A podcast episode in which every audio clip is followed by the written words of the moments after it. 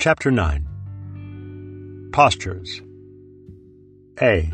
Zazen Postures Explained The postures explained now range across history from the classic lotus pose of antiquity to a special 20th century Zazen bench. Although Zen masters, ancient and contemporary, are united in proclaiming the superiority of the lotus posture over all others, for reasons which will be found in the first section of this book, the editor can testify from his own experience with each of these positions that any of them can be adequate for one sufficiently determined to pursue Zazen. The practice of sitting with the foot of each leg over the thigh of the other is one of the oldest, predating the Buddha. Not only do we know through archaeological evidence in India that millenniums before the birth of the Buddha, the lotus posture was in use in that country, but wall carvings, unearthed from ancient Egyptian tombs showing figures sitting in the full lotus, prove that civilizations other than the Indian knew the power of this unique pose. Admittedly, for Westerners not nurtured on cross legged sitting, the lotus posture can be difficult, but by no means is it impossible. Adult, non athletic Westerners have mastered the half lotus in less than six months by persistent zazen, coupled with simple leg stretching exercises, which include pressing down of the knees with the hands after a hot bath to gradually bring the knees down to the level of the sitting mat. The full lotus is naturally a harder nut to crack, but it, no less, will yield to a systematic effort. The posture widely used in Burma and the Southeast Asian Buddhist countries has the advantage of being much less uncomfortable for beginners than either the half or the full lotus, as the legs are uncrossed. But it does not provide the strong support for the trunk that the lotus posture does.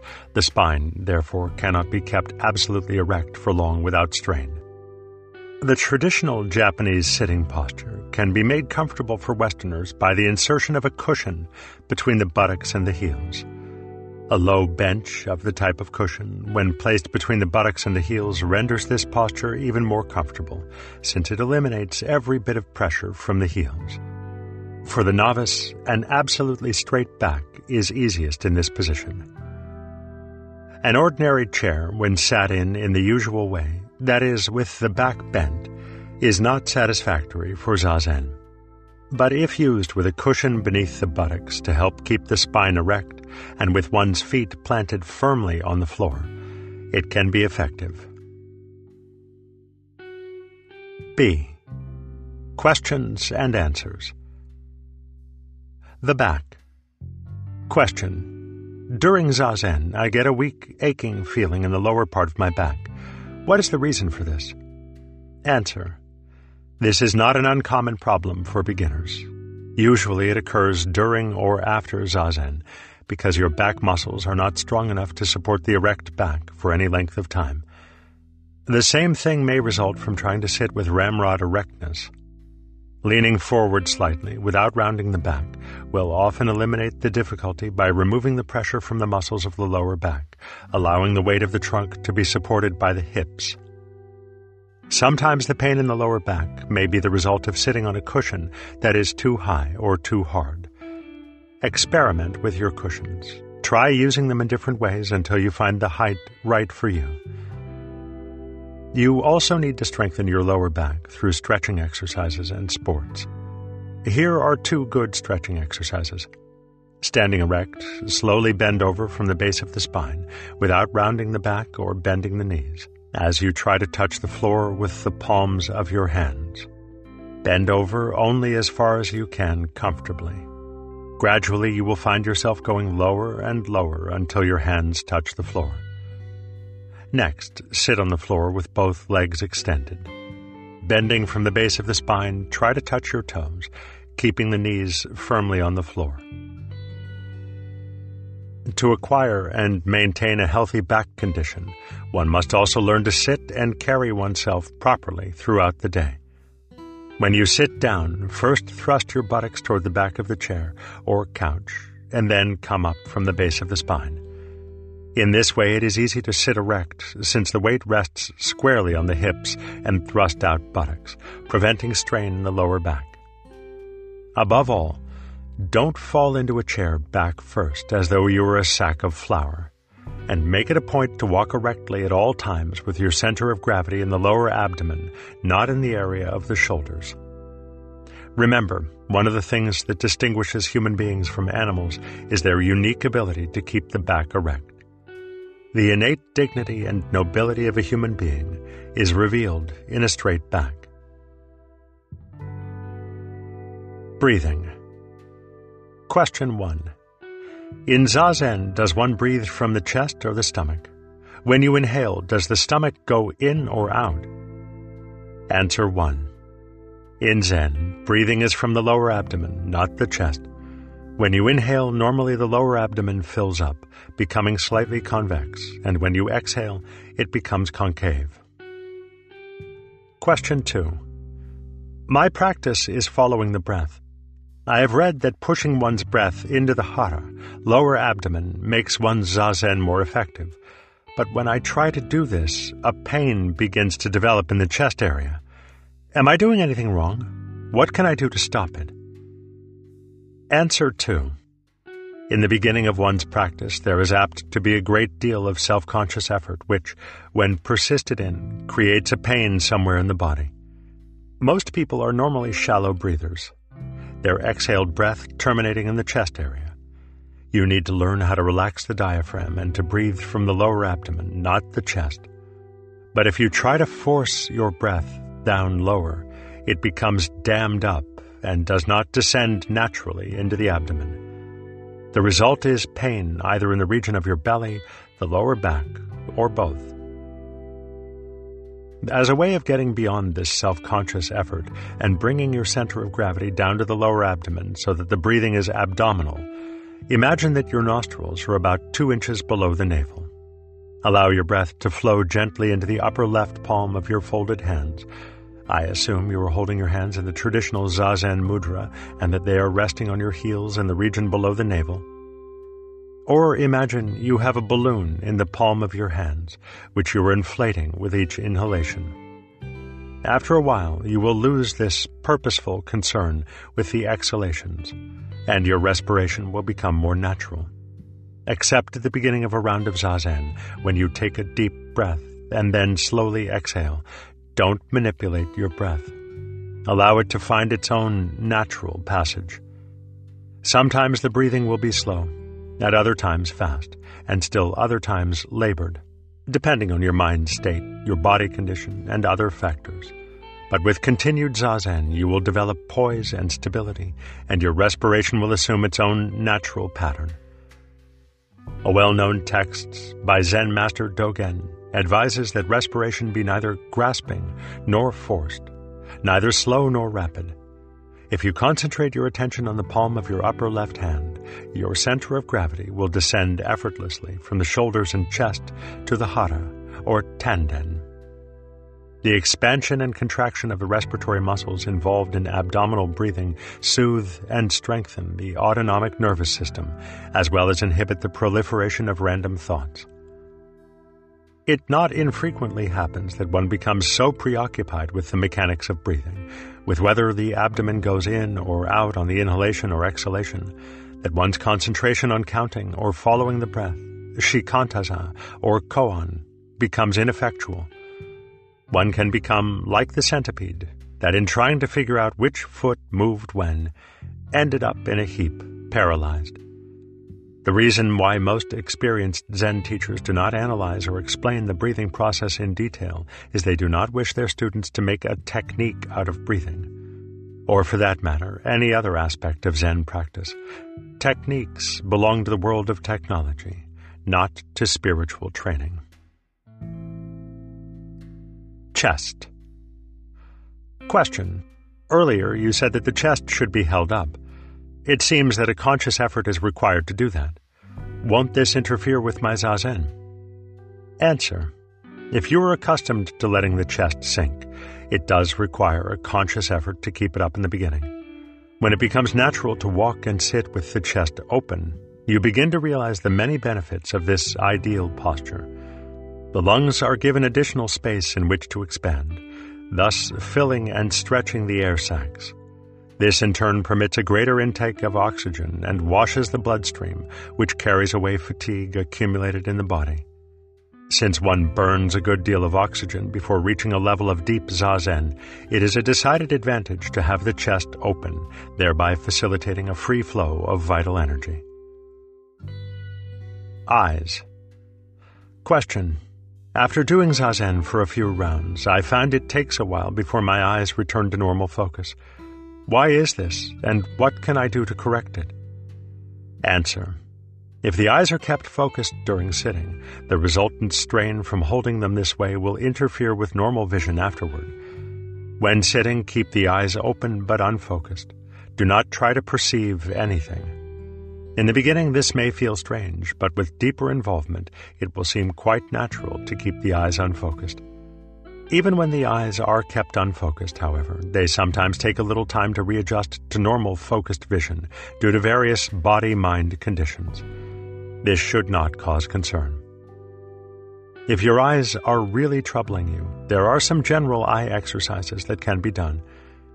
To get the eyes quickly back into focus, blink them rapidly a few times, and then bring the index finger to the tip of the nose and slowly push the finger to the left as far as you can, following it with the eyes. Then bring the finger back to the front again and do the same thing with the left index finger to the right side. Now roll the eyes a few times clockwise, then counterclockwise. Try looking up sharply to the upper right corner, then down to the lower left corner in a diagonal motion, then to the upper left corner and down to the lower right corner. Do this a few times and then blink the eyes rapidly again. Another way to soothe and revitalize the eyes is to rub the palms of the hands vigorously, generating a great deal of warmth, and then place them over the eyes, blocking out all light. Now open the eyes and mentally bathe them in the warmth of the energy being emitted from the palms. This palming of the eyes can be done independently of the foregoing finger exercises. If you wear glasses, removing them during zazen may cause eye strain. Try sitting with them both on and off. Hands and lower arms. Question. Often, after doing zazen for a round or two, I find my hands and lower arms beginning to tense up and ache. Why is this? Answer. Very likely you are creating tension by applying too much pressure against the thumbs. You must also be careful not to allow the elbows to be held out stiffly at the sides, for then the pressure on the hands becomes greater and the condition is worsened. It's almost as though you were trying to grasp your practice with your hands. This brings on stiffness, tension, and aching muscles. The elbows should be relaxed and allowed to hang loosely, close to the body. Similarly, hold the hands with their sides resting on the thighs, free of tension, with the thumbs touching lightly to make a flattened circle. Keeping the hands flat, with the palms straight up, often creates tension in the region of the forearm and elbows. Hands and shoulders. Question. I find that if I don't use a cushion to rest my hands on, they always seem to slip away in my lap. When this happens, my shoulders are pulled down and a tiredness sets in across the top of my shoulders. How can this be avoided so that I can get rid of this hand prop? Usually I sit in the half lotus. Answer. If one can sit comfortably in the half lotus, there should be enough lap room close to the lower abdomen to allow the hands to rest against the body, nestled in such a way that the fingers of the left hand sit within the fingers of the right hand in a slightly curved and relaxed manner. The hands may slip out of position when the body mind loses its tautness, that is, if you become sleepy or absent minded while sitting. The tiredness across the shoulders is due to the pull on the shoulders and shoulder blades. This unnatural drag of the weight of the shoulders saps your strength. To correct this, bring the hands closer to the lower abdomen and at the same time relax the elbows, allowing them to hang next to the body. Next, take a deep breath and lift the sternum. In this way, the shoulders will hang naturally, supported by the straightened shoulder blades. If the chest is permitted to drop, the shoulders will become heavy and sag. Head Question. My head seems to move forward as I do zazen, and it is only when corrected that I realize this has happened. How can I prevent this? Answer. When one is seduced by random thoughts or fantasies, the head physically follows the thinking and projects itself forward. This can be corrected physically by feeling the collar of your robe or shirt with the back of your neck, taking a deep breath, and then raising the sternum slightly. When the chest is raised, the position of the head is corrected. The ears will automatically line up with the shoulders, and the chin will tuck slightly in. You can also pull the chin in, but gently enough that it doesn't create tension. Needless to say, an effort should be made to resist following such wandering thoughts or fantasies. Head. Sharp pains. Question. After a few minutes of sitting, I found a sharp pain coming up into the left side of my head. This happened every time a new round of sitting started. Answer. In the beginning, sensitive persons often have twinges of pain in different parts of their body, owing to pre existing tensions in those areas and the strain of turning one's energies inward instead of dispersing them outwardly it is also a strain at first for body and mind to function as a unity in Zazen. If this discomfort is accompanied by feelings of apprehension, the pain and tension only increase. When you understand the reasons for the increased tension and resultant pain and are aware that they are only temporary, the fear will evaporate. Naturally, the pain will also disappear and be replaced with a sense of buoyancy and well being. Also, remember that your discomfort can be a trick of the ego to derail your practice. Since the ego does not wish to lose its cozy dominance, it throws up all sorts of barriers to retain control, the most common of which is pain, for it knows that persistent zazen will terminate its rule. If you recognize that the pain is only a device of the ego to get you to quit, you can turn the tables on this wily phantom by refusing to give in. Pain is a challenge that sooner or later must be met, and the way to banish it is to become fully one with it. Knees. Question. I injured my knee playing basketball and had surgery for a torn meniscus. Is it possible for me to ever attempt zazen in a half or full lotus? Answer. If the surgery has been successful, the prognosis is generally good. The meniscus will replace itself with a thinner, more flexible tissue. There have also been cases in which the meniscus has slowly healed itself without surgery, so that the knee joint was able to function as well as before the injury. As the knee begins to regain its flexibility, begin bouncing it gently a little each day until you feel able to sit comfortably in the half or full lotus. Daily massage, herbal poultices, and herbal teas, especially those made from comfrey, as well as therapeutic doses of vitamin C, are all helpful. Legs. Falling asleep. Question. My legs fall asleep very quickly whenever I do zazen. What can I do? Answer. When the legs fall asleep during zazen, it is usually because of pressure on either a nerve or a vein or both. Changing one's position on the cushion, that is, sitting farther forward or back, will relieve pressure on a nerve.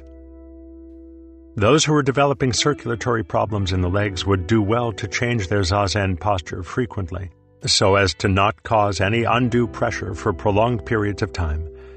Massaging the legs before and after zazen, thereby stimulating circulation and strengthening the nerves, is also helpful.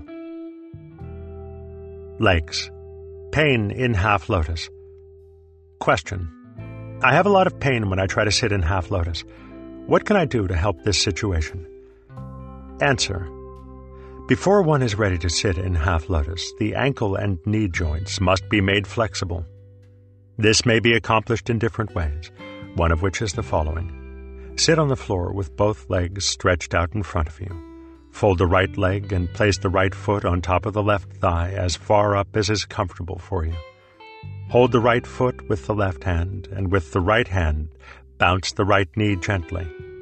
If it is not possible to place the right foot on top of the left thigh, place the sole of the right foot against the inner left thigh, and bounce the knee from this position. Continue this flipping of the knee for a few minutes, and then reverse your legs and repeat on the left side. Eventually, as flexibility develops and the groin area begins to open up, it will become possible to place the foot higher up on the thigh.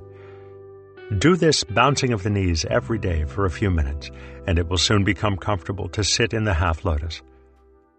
A variant of this exercise is to place the soles of the feet together, holding onto the toes with the hands, and to flip the knees up and down.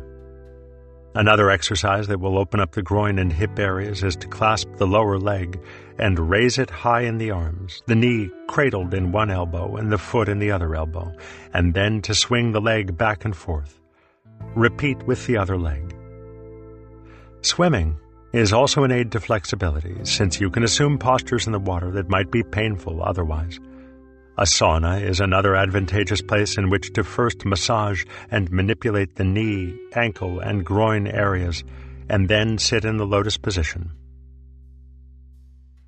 If you have mild pain during sitting because your ligaments are not yet stretched, bear with it. But if the pain is intense, unfold your legs and try another position. Don't grit your teeth, suppress the tears, and tell yourself, I'll take the pain even if it kills me, out of a misguided belief that Zazen is asceticism. Zazen should leave you with a feeling of well being, not acute discomfort. Neck and head. Question. When I do Zazen, a tightness develops in my head and neck, and this seems to bring on a burning sensation across the shoulder blades. What, if anything, can be done to prevent or correct this? Answer. This is an example of what happens when your energy is locked high in the body and not allowed to flow naturally. If your attention is focused in the neck and head area, tension and pain usually develop there. The burning sensation results from an impingement that prevents a free flow of blood to the area. To remedy this, first allow the shoulders to hang effortlessly on the frame. Next, take a deep breath, lift the sternum slightly, and slowly exhale. This will release the pressure in the shoulders, freeing the blocked energy. Care must be taken not to attempt to straighten the shoulders or pull them back deliberately. They will straighten of their own accord if the sternum is lifted. Simultaneously, the head and neck will ride freely on the spinal column Make no conscious effort to hold on in the area of the head and neck, for this will create tension and eventually pain. Saliva. Question. Sometimes my mouth fills up with saliva during zazen and I have to swallow frequently. What causes this? Answer. This reaction may occur if the head is held too far forward or with the chin lowered. To correct this, the head should be pressed back so that you feel your collar on the back of your neck. Be careful not to allow the tongue to drop from the upper palate where it normally rests during zazen, as this too may cause saliva to collect in the mouth.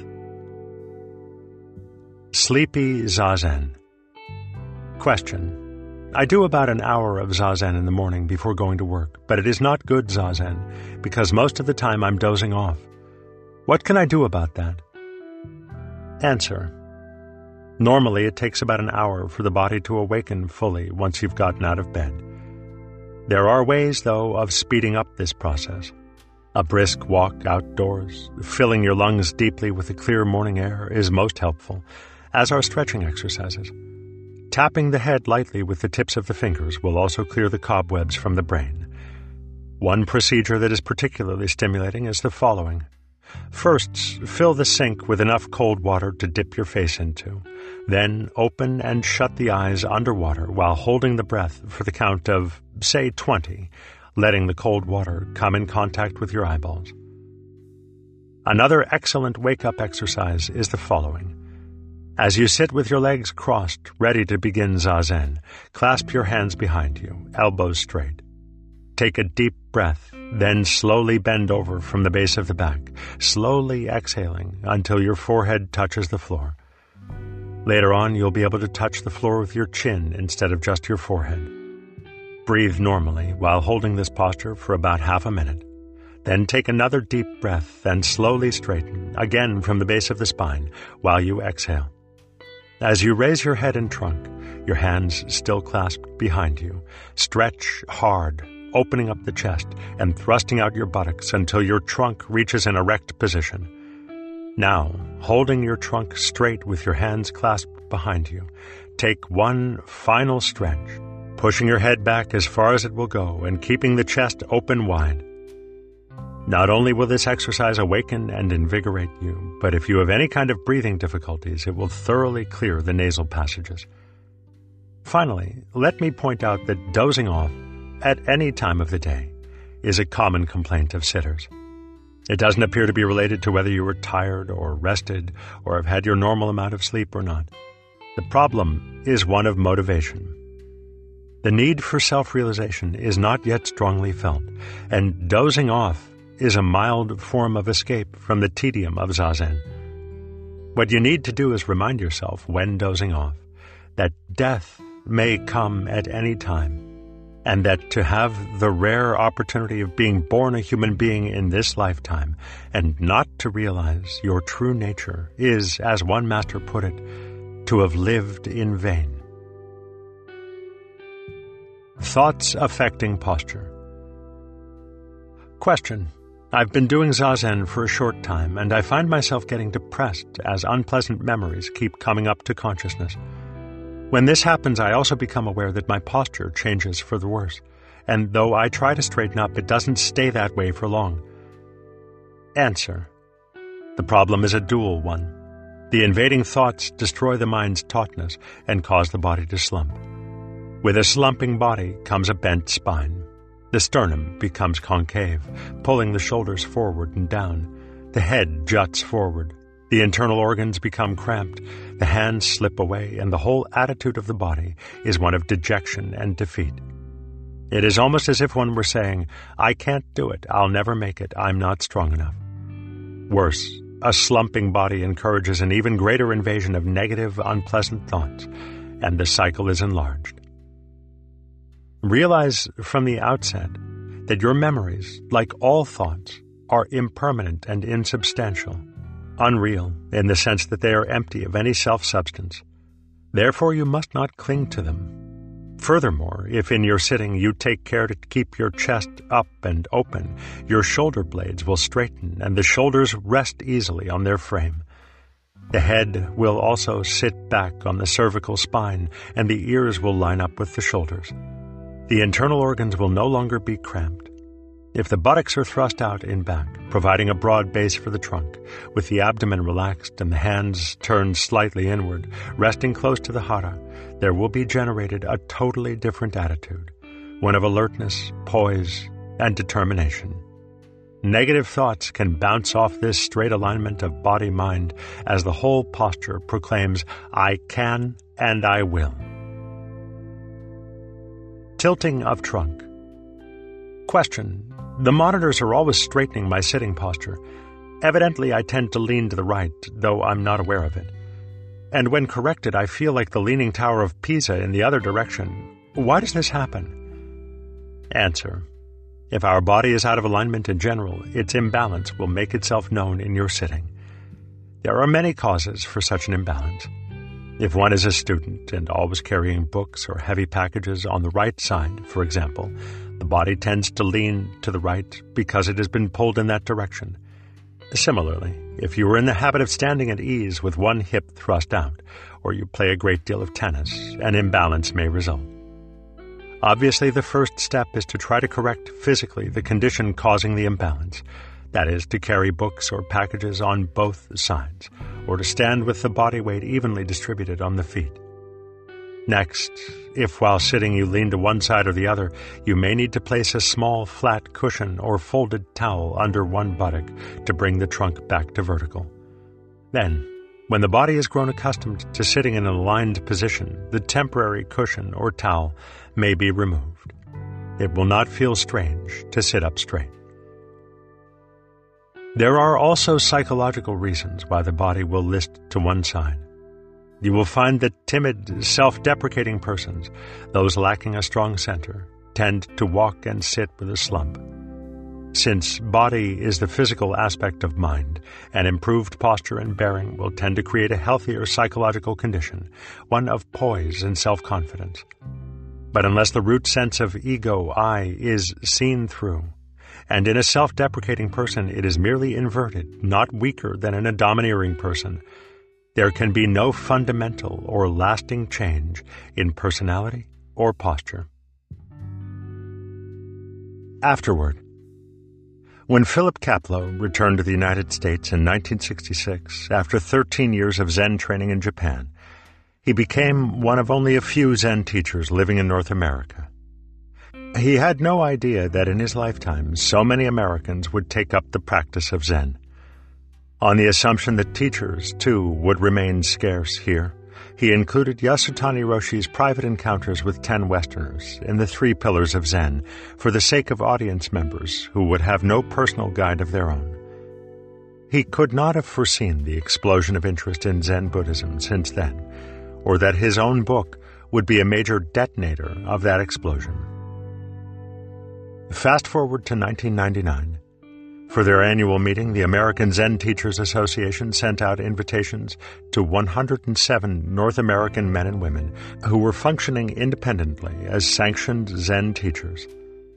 The size of this population reflects the most measurable element of a tide of interest in Zen that has been rising ever since the original publication of the Three Pillars. Huston Smith, in his preface to the first edition, posed the question of whether Zen would successfully make the stride across the Pacific to America in its migration eastward from Asia and India, wisely answering, We don't know. Now, however, we do.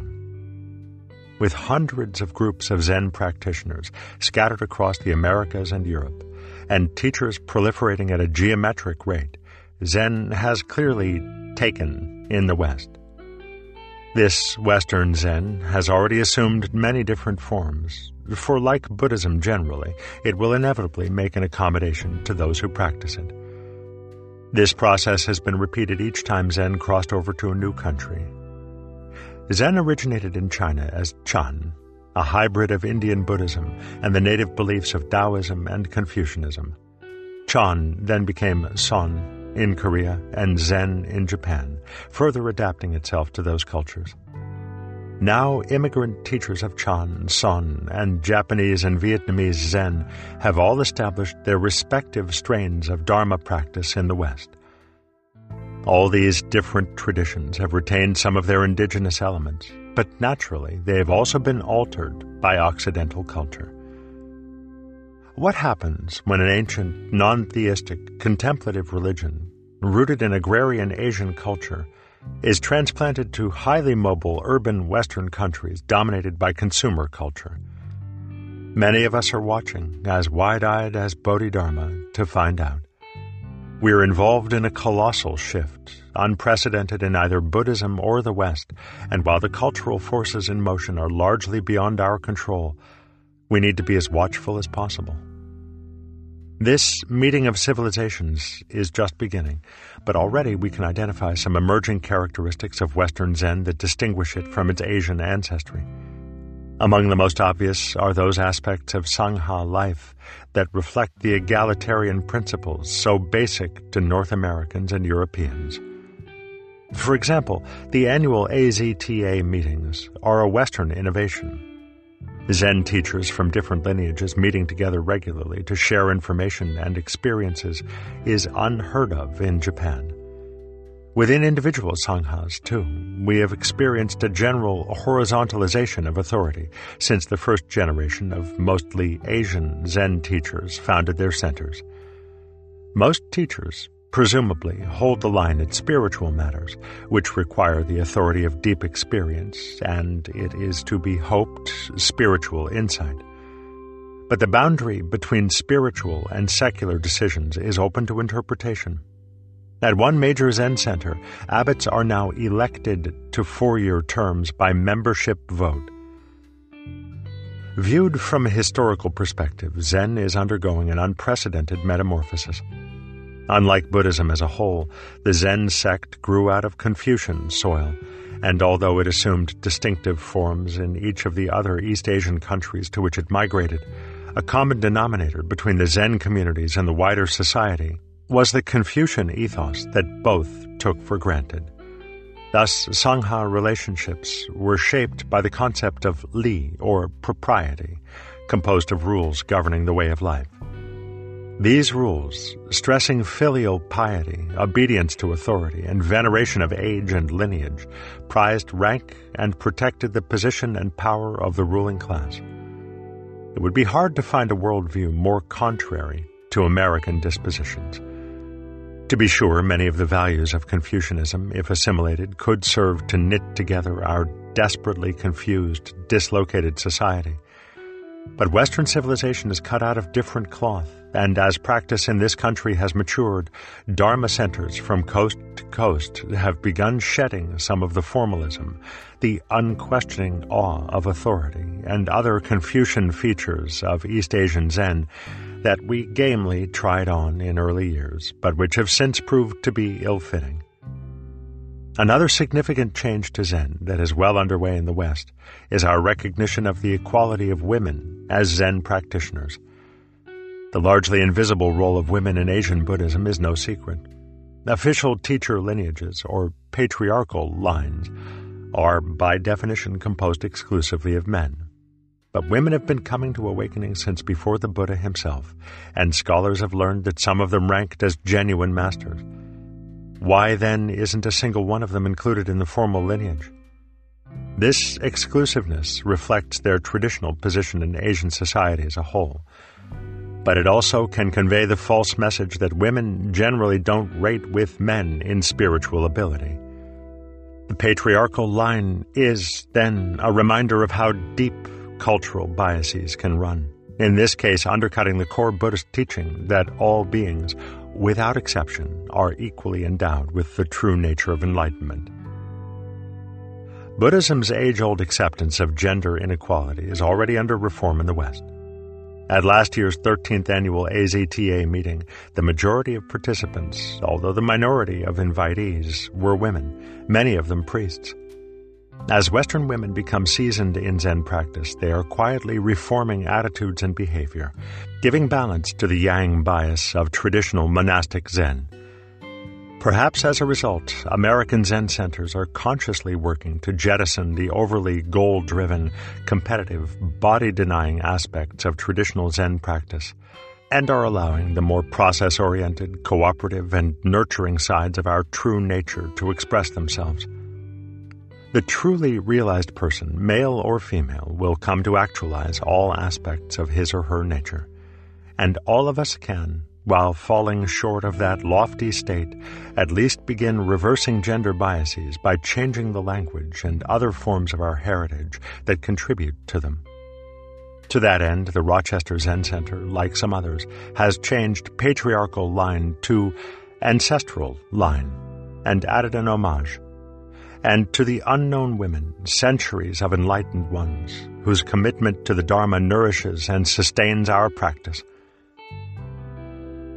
No doubt the most profound adaptation required of Zen in the West revolves around the Western notion of the self as an autonomous individual.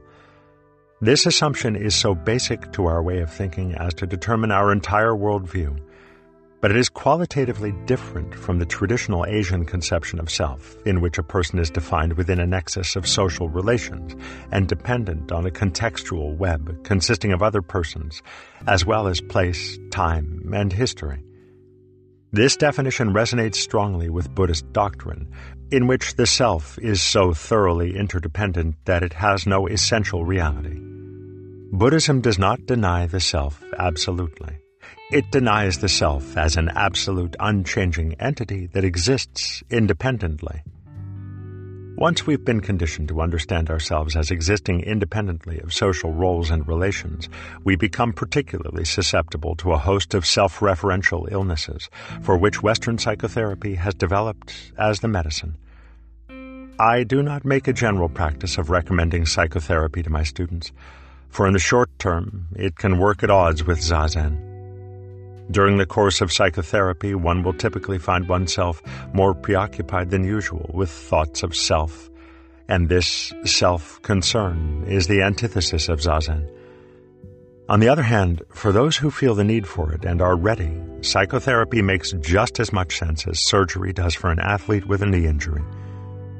With the help of some months of psychotherapy, many of my students have felt improvements not just in their relationships and work, but in the quality of their zazen itself. Greater emotional stability and clarity, it seems, can alleviate some of the anxiety and self concern that so commonly prevents one from reaching deeper states of meditative absorption.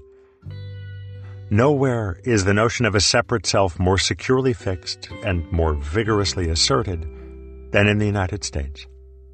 From a Buddhist perspective, it is our national handicap.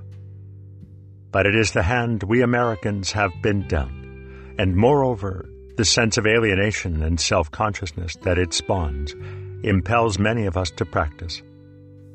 Like it or not, each of us exists in mutual causality with our milieu, a fact which itself testifies to the permeable nature of the self. Not that trading in our individualistic sense of self for a more contextual one, even if we could, would be the solution. Every worldview offers a skewed representation of human existence, and by muting or repressing aspects of experience, each generates suffering in different terms. Greed, ill will, and delusion are basic human afflictions, and the Asian cultures in which Zen was nourished also have their own ways of falsely dividing reality into categories that create suffering. In any case, we have to work with our mental formations, such as they are. Zazen works universally to dissolve these illusory structures, in whatever terms humans are acculturated to conceive of them. For Westerners, psychotherapy, as a homegrown system of healing, holds the promise of enhancing this awakening process. The realm of the psychological is not to be confused with that of essential nature, but neither are these two separate. Since Western Zen students, even those without psychological education, are by nature more psychologically oriented than their Asian counterparts, Zen teaching and practice will inevitably come to reflect that coloration. If it didn't, it would fail us. Western Zen teachers are increasingly falling in with their Vajrayana and Vipassana the other two mainstreams of Buddhism in the West, colleagues in accommodating themselves to Western psychological perspectives, if not methods. Those who have ignored the psychological needs of either their students or themselves have done so often at the cost of their own personal integrity and that of their students, and consequently, the well being and harmony of their sanghas. So far, this has proved more damaging to Buddhism than the very real danger of our psychologizing it. As a belief system, psychology rivals the Judeo Christian tradition in its influence in the West. In fact, in our highly secular culture, it probably has an edge over formal religion in that it is so easily assimilated by those of other faiths.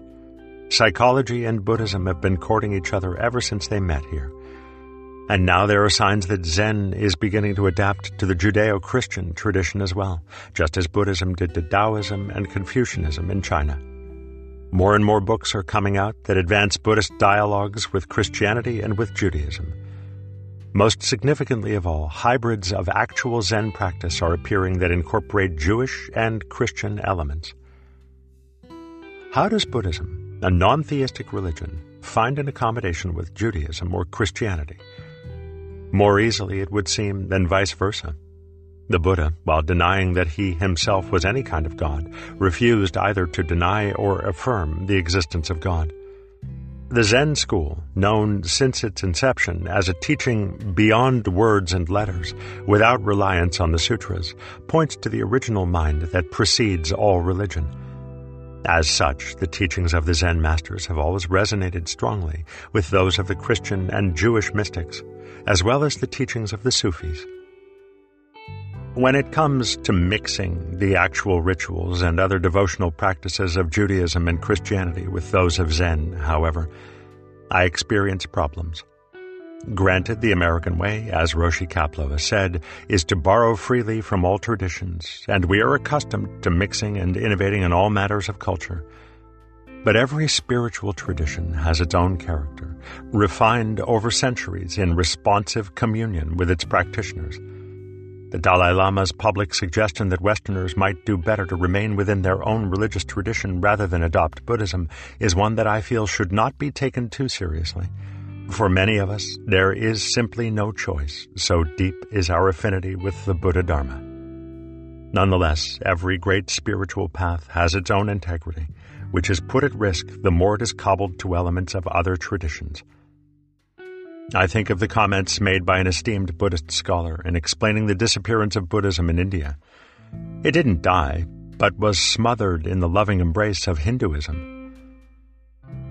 Yet another major development of Zen in the West is the burgeoning interest in engaged Buddhism, a movement that endeavors to apply Buddhist compassion, that is, wisdom in action, to social, political, and environmental problems. Traditionally, Buddhism has focused on individual spiritual practice as the most intelligent approach to relieving the suffering of all sentient beings. Engaged Buddhists agree that meditative practices are indispensable, but recognizing that we are also determined by the social and political systems in which we are enmeshed, seek to remedy the ills of those systems by working actively for peace, justice, education, and ecological preservation. Such work advances the cause of liberation, then, even as it follows in the long Western tradition of social service. This broader approach to practice is hardly new to Buddhism as a whole, but it does mark a departure from the traditional focus of the Zen school. Granted, even in Zen, the ten ox-herding pictures portray the highest stage of realization as entering the marketplace with helping hands, which can easily be interpreted in terms of public service. But though this may be the ideal, the core practice in East Asian Zen has always been silent meditation, usually done in remote locations. Society or community meant the monastery, and compassionate activity within its walls benefited others in mainly ineffable ways. The promise of the contemplative life that has characterized Asian Zen is that selfless meditation is, rather than an escape, the most essential way of healing the so called world that is nothing other than mind. Still, the need for social and political activism has never been more pressing. Never before have systems and institutions held such global power, thus extending the repercussions of human greed, ill will, and delusion to threaten the very biosphere. Ultimately, each Zen practitioner must determine how much time, if any, to dedicate to activist causes. Probably the most significant Western departure from traditional Zen, and the most radical and obvious to our Asian counterparts, is Western Zen's predominantly lay nature. Ever since the time of the Buddha, the turning of the wheel of the Dharma has been the work of monks. Until now. Today, there are only a smattering of full fledged residential Zen training centers in the Western Hemisphere which leaves such a vast majority of Zen practitioners sitting on their own that it is all but impossible to estimate their number 5,000, 10,000, 20,000? Only a scant number of Western Zen practitioners have been ordained, and it would appear that the majority of even those monks or priests are married, and more than a few of them with children. Among Western Zen teachers, too, a growing number now have families, thus following the norm for rabbis and Protestant ministers. It is noteworthy that the Three Pillars of Zen, surely one of the two most influential Zen books in the West, the other being Shunryu Suzuki's Zen Mind, Beginner's Mind, presents the teaching of a school of Japanese Zen known for its accessibility to laypersons. Yasutani Roshi was a priest, though married and with five children, but drew almost exclusively lay students. It is hardly surprising then that the Three Pillars has found such particular resonance in this Western culture in which monasticism calls so few. But the Three Pillars is only incidentally a tribute to lay Zen and its possibilities. Its real impact on Western Zen was in introducing us to first-hand accounts of enlightenment and its most potent incubator, Sesshin, the traditional Zen seclusion. The Sesshins, so evocatively described by Roshi Kapleau, gave tens of thousands of people in the 1960s the vicarious experience of rigorous Japanese Zen monastic training. The fact that half of the awakening accounts from these sesshin were written by Westerners presented a compelling new model of Buddhist practice. Householder Zen, fortified by periodic bursts of monastic style training. We could hold on to our careers and families and still drink deeply from the wells of a great mystical tradition. It was Zen in a new package, stamped with an American brand name. We could have it all, or so it seemed. Several decades now into the American experiment with lay Zen, many of us have been sobered by the obstacles inherent in this new strain of Buddhist practice. As a teacher, I hear every week of my students' struggles to find time to do daily zazen while juggling family responsibilities and the demands of work. And they must do this while immersed in what is arguably the most restless, acquisitive, market driven society the world has ever known. Like everyone else, the contemporary Zen student must daily navigate through a howling gale of information and images in the form of advertising, popular entertainment, and news. To maintain a centered, stabilized mind under such conditions would be demanding enough even with the support of a close knit community. But householder Zen in our decidedly non Buddhist culture is still usually a solitary voyage in which family and friends are apt to be uncomprehending, if not critical, of one's efforts. Furthermore, even when the aspirant has a Zen teacher, chances still are that they are not close enough to visit each other with much frequency, so that their contact, if any, is limited to mail or phone. This far flung arrangement is a radical departure from that of the monastic communities in which Zen practice has been nurtured over the centuries in Asia. Given the choppy currents of world responsibilities that modern Zen students struggle with on a daily basis, the hectic pace of life and its diversions, it is no wonder that so many are drawn to Sesshin, usually at the cost of vacation time. In fact, for many Western practitioners of Zen, the periodic retreat becomes a refuge to which they feel compelled to return again and again for spiritual rejuvenation. It is also the only exposure many ever have to actual Zen training, which is to be distinguished from ordinary Zen practice. The latter includes everyone who sits on a regular basis, which most Westerners still do at home. Zen training, on the other hand, is Zen practice undertaken for longer or shorter periods of time at a residential facility under the guidance of others. Since most Zen practitioners in the West are householders, Sesshin becomes their sole link to the monastic tradition in which Zen has historically been embedded. Given the significant cultural differences between Asians and Westerners, some listeners may wonder how contemporary Western Sesshins compare to those described in the three pillars of Zen. In structure, Sesshins at the Rochester Zen Center are much like those of our Asian ancestors. Yasutani Roshi used to say that Sesshin consisted of three main elements Zazen, Teisho, and Dokusan, and the same holds true of those conducted at our centers. Each day there are some 10 hours of formal sittings, which are timed and monitored by senior students and interspersed with brief periods of group kinhin, walking meditation. This is the basic Sesshin fabric within which Teisho and Dokusan take place, and through which they come to life. As monastic as our sesshins remain in style, like those in the three pillars, they also draw almost exclusively lay people. A traditional seven day sesshin includes, in addition to a dozen or so Zen Center residential staff in training, the same business and professional men and women, artists and housewives, whose Kensho accounts are recorded in the three pillars but also retailers, contractors, writers, computer workers, farmers, secretaries, scientists, gardeners, librarians, nurses, realtors, administrators, craftsmen, students, and musicians. About half come from the Rochester area, and the rest from elsewhere in the United States, Canada, Mexico, Europe, and other parts of the world. Upon arriving, participants find everything arranged for them a bedroom shared with up to eight others, a job assignment for the daily hour of manual work, and an assigned seat in the zendo. As at Hosshin-ji, the monastery described in the Three Pillars where Philip Kapleau trained, in the opening ceremony that evening, they are reminded of the two most important guidelines complete silence and eyes lowered at all times everywhere on the premises. These two elements alone go a long way toward helping participants settle the mind and reach deeper states of absorption. So too does the rule of not moving during formal sitting, as refraining from fidgeting or scratching does much to brace one's commitment to single-minded concentration on the breath or koan.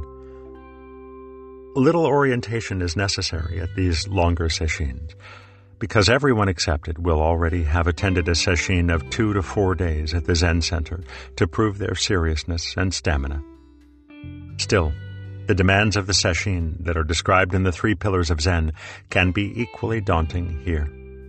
Buddhism's classic five hindrances to practice desire, aversion, restlessness, boredom, and doubt are timeless and universal challenges that easily provoke the urge to bolt. For this reason, all participants are required to sign a pledge to complete the sesshin. Only rarely does anyone leave without having fulfilled this crucial commitment to persevere through the obstacles that are inevitable in intensive and sustained zazen. Dokusan is given three times a day in Sesshin. As in Japan, it is offered on a first come, first served basis, and due to demand, not everyone can expect to get in every time. In the formative years of the center, when most of us were in our 20s, the tumultuous Dokusan rush was a sustained feature of the Sesshin drama. In the same samurai spirit, the heavy use of the kyosaku was sustained throughout the week, as were the other pressure cooker methods described in the three pillars. But over time, the tone of Sesshin has changed in step with the maturation of the Sangha. Some of the younger, usually male participants still tend to get stirred up in the zendo at times, but the major key is now one of vibrant stillness. What occurs in Dokusan itself is much the same at our sesshins as that recounted in the three pillars. One hindrance Westerners face that is not noted, however, is one that other teachers and I have come to know through years of close work with many students – a tendency, seemingly most pronounced in Americans, toward negative self judgment. One American Buddhist teacher has referred to it as self hatred, another as the inner critical voice. It is not just a sense of lack or an awareness of one's faults, but an abiding conviction deep inside that there is something wrong with oneself. The self excavation process of serious meditation will expose it eventually, but in the intimacy of Dokusan, it is often revealed to the teacher before the student perceives it. This core sense of unworthiness would seem to be an outgrowth of our Western notion of the autonomous self. In discussions at East West conferences, Asian teachers have been unable to grasp what we meant by it. It can be understood as the underside of the American celebration of self, or even the shadow cast by our Judeo Christian God concept. It may be masked by grandiosity or self confidence, but peel away enough layers, and more often than not, there it is. Like all concepts, the Western negative self image has no substance and thus no abiding reality, but it still undermines one's faith in the true self and together with other cultural biases can create a thicket of concepts about Zen practice and attainment. Having absorbed the American ideals of freedom and equality and the message that we can become whatever we want, we aspire to realize the enlightenment that is our birthright. So far, so good. But when we don't succeed at Zen as quickly as we'd like to or as others we know may have, this failure reinforces the illusion of the fatally flawed self. At this point, some practitioners may give way to resignation, while salvaging their self-esteem by slipping into Buji Zen, the stance that to speak of becoming enlightened is a contradiction in terms since we are all innately enlightened. Roshi Kapleau warns against this philosophical dodge, a denial of the validity of the enlightenment experience in the three pillars, but Buji Zen is beginning to spread in the West. It should be exposed for what it is a loss of faith in one's potential for realization. Buji Zen and other mental complications related to success and failure also trouble Asian practitioners. But the more tightly knotted American sense of self tends to further crystallize these issues for us. Estrangement from classical Buddhist concepts like rebirth and karma, which set liberation and causation in a vast and complex frame, may also intensify self blame for American students, leading them to identify with a particularly narrow sense of self and time, and to understand their failures as definitive. Until students directly realize that there is no core person, either good or bad, inside, Dokusan will tend to highlight this mental reflex of self judgment. In the student's mind, consciously or unconsciously, the teacher sits in the Dokusan room waiting in judgment, reflecting back to the student the naked fact of falling short in practice and attainment. Thus, the issue of when to go to Dokusan and how to use it is probably the single most problematic for the Western student, at least in the beginning. Whatever self concerns one may have had about performance and the approval or disapproval of the teacher will tend to rear their heads before, during, and after Dokusan. Accordingly, Dokusan is an area of psychological ferment that is rich in its potential for personal transformation. At spiritual training centers the world over, few elements of the daily routine can compete in importance with meals. All meals served at the Zen Center, both in and out of Sesshin, are vegetarian, in keeping with the ancient Buddhist custom of avoiding complicity in the slaughter of other creatures. Two of the three meals each day are taken formally, in silence, except for the traditional meal chants. Due to crowded conditions, we kneel on the floor at low tables, as is widely done in Japan but plans for a new country retreat complex now under construction near Rochester provide for a dining room with chairs at tables, which are the norm at Chinese and Korean Zen tables. Meals are eaten with ordinary plates and bowls, forks and spoons, rather than in the elaborate Japanese Zen ritual of oryoki, the nested set of eating bowls traditionally used by monks. When the center was founded, Roshi Kapleau recognized how important it was to exercise discriminating wisdom in adopting Asian ways. By the same token, we have strived to be sparing in our display of Asian calligraphy and to find suitable English equivalents for Japanese Zen terms and traditional chants. The temptation to grasp at the exotic is common in spiritual practices imported from the East, but clinging to foreign trappings does a disservice to the Zen tradition. When it comes to East West cultural hurdles, probably nothing about Zen Buddhism is more commonly made exotic than the idea of enlightenment itself. Having no enlightenment tradition of our own to speak of, Westerners tend to project their most exalted hopes and dreams onto such an experience. The thought of enlightenment itself then becomes a mental attachment and a formidable hindrance in actual Zen practice. Americans, with our craving for quick fixes, may be the most susceptible of all to this meditation trap. The audience of Enlightenment accounts in the Three Pillars of Zen can be forgiven for idealizing awakening as a panacea for all of life's pain. Despite the sober reminders sprinkled through the book that enlightenment is but the first gateway to Zen, the personal accounts are so dramatic and stirring that the caveats are often forgotten. To repeat, then, an initial awakening reveals the non dual nature of reality, but it is usually tentative, offering only a faint glimpse of our essential nature. The habit forces of acting and reacting egotistically are so entrenched in us that we remain vulnerable to those tendencies. Our insight can be deepened through subsequent realizations, but it takes long, devoted practice after Kensho to uproot our most primitive emotional afflictions and integrate our understanding into our daily lives. Although awakening is no silver bullet that dramatically changes our lives in a flash, it does explain the way, the middle way through which we can come to terms with the suffering inherent in worldly existence.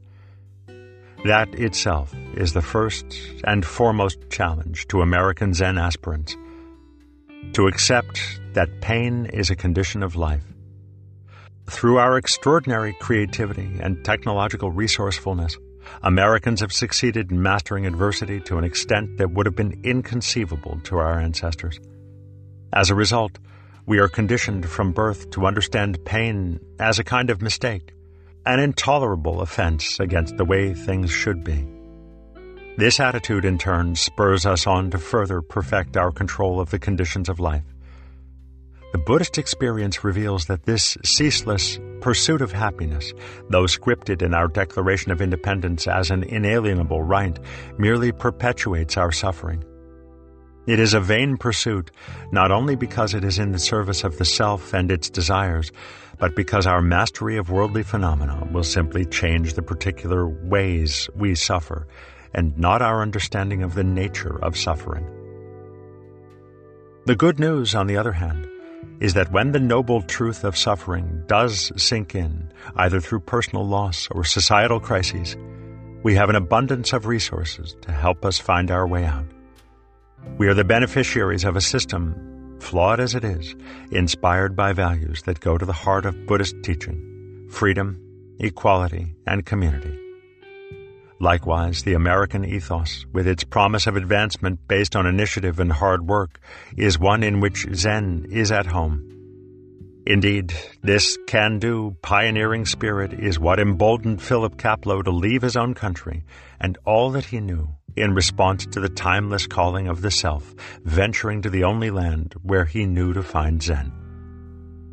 Ours is a culture far removed from the Asia which nourished Zen and much in our world has changed, even since the original publication of the Three Pillars of Zen. In adapting Zen to the West, we run the risk, as Roshi Kapleau always warned, of throwing out the baby with the bathwater. But through Zazen, we can preserve the essence of the tradition and transmute our tendencies towards selfish individualism and privatism into the fulfillment of a faith shared by Buddhism and the West the absolute worth of every human being. Bodhin Kjolhede, Abbot of the Rochester Zen Center. This concludes The Three Pillars of Zen by Roshi Philip Kapleau, narrated by Sean Runnette. Copyright 1989 and 2000 by Roshi Philip Kapleau. This unabridged audiobook is published by arrangement with Roshi Philip Kapleau care of Janklow and Nesbit Associates, and was produced in the year 2017 by Tantor Media Incorporated, a division of Recorded Books, which holds the copyright thereto. Please visit tantor.com for more information on our growing library of unabridged audiobooks and to take advantage of special offers.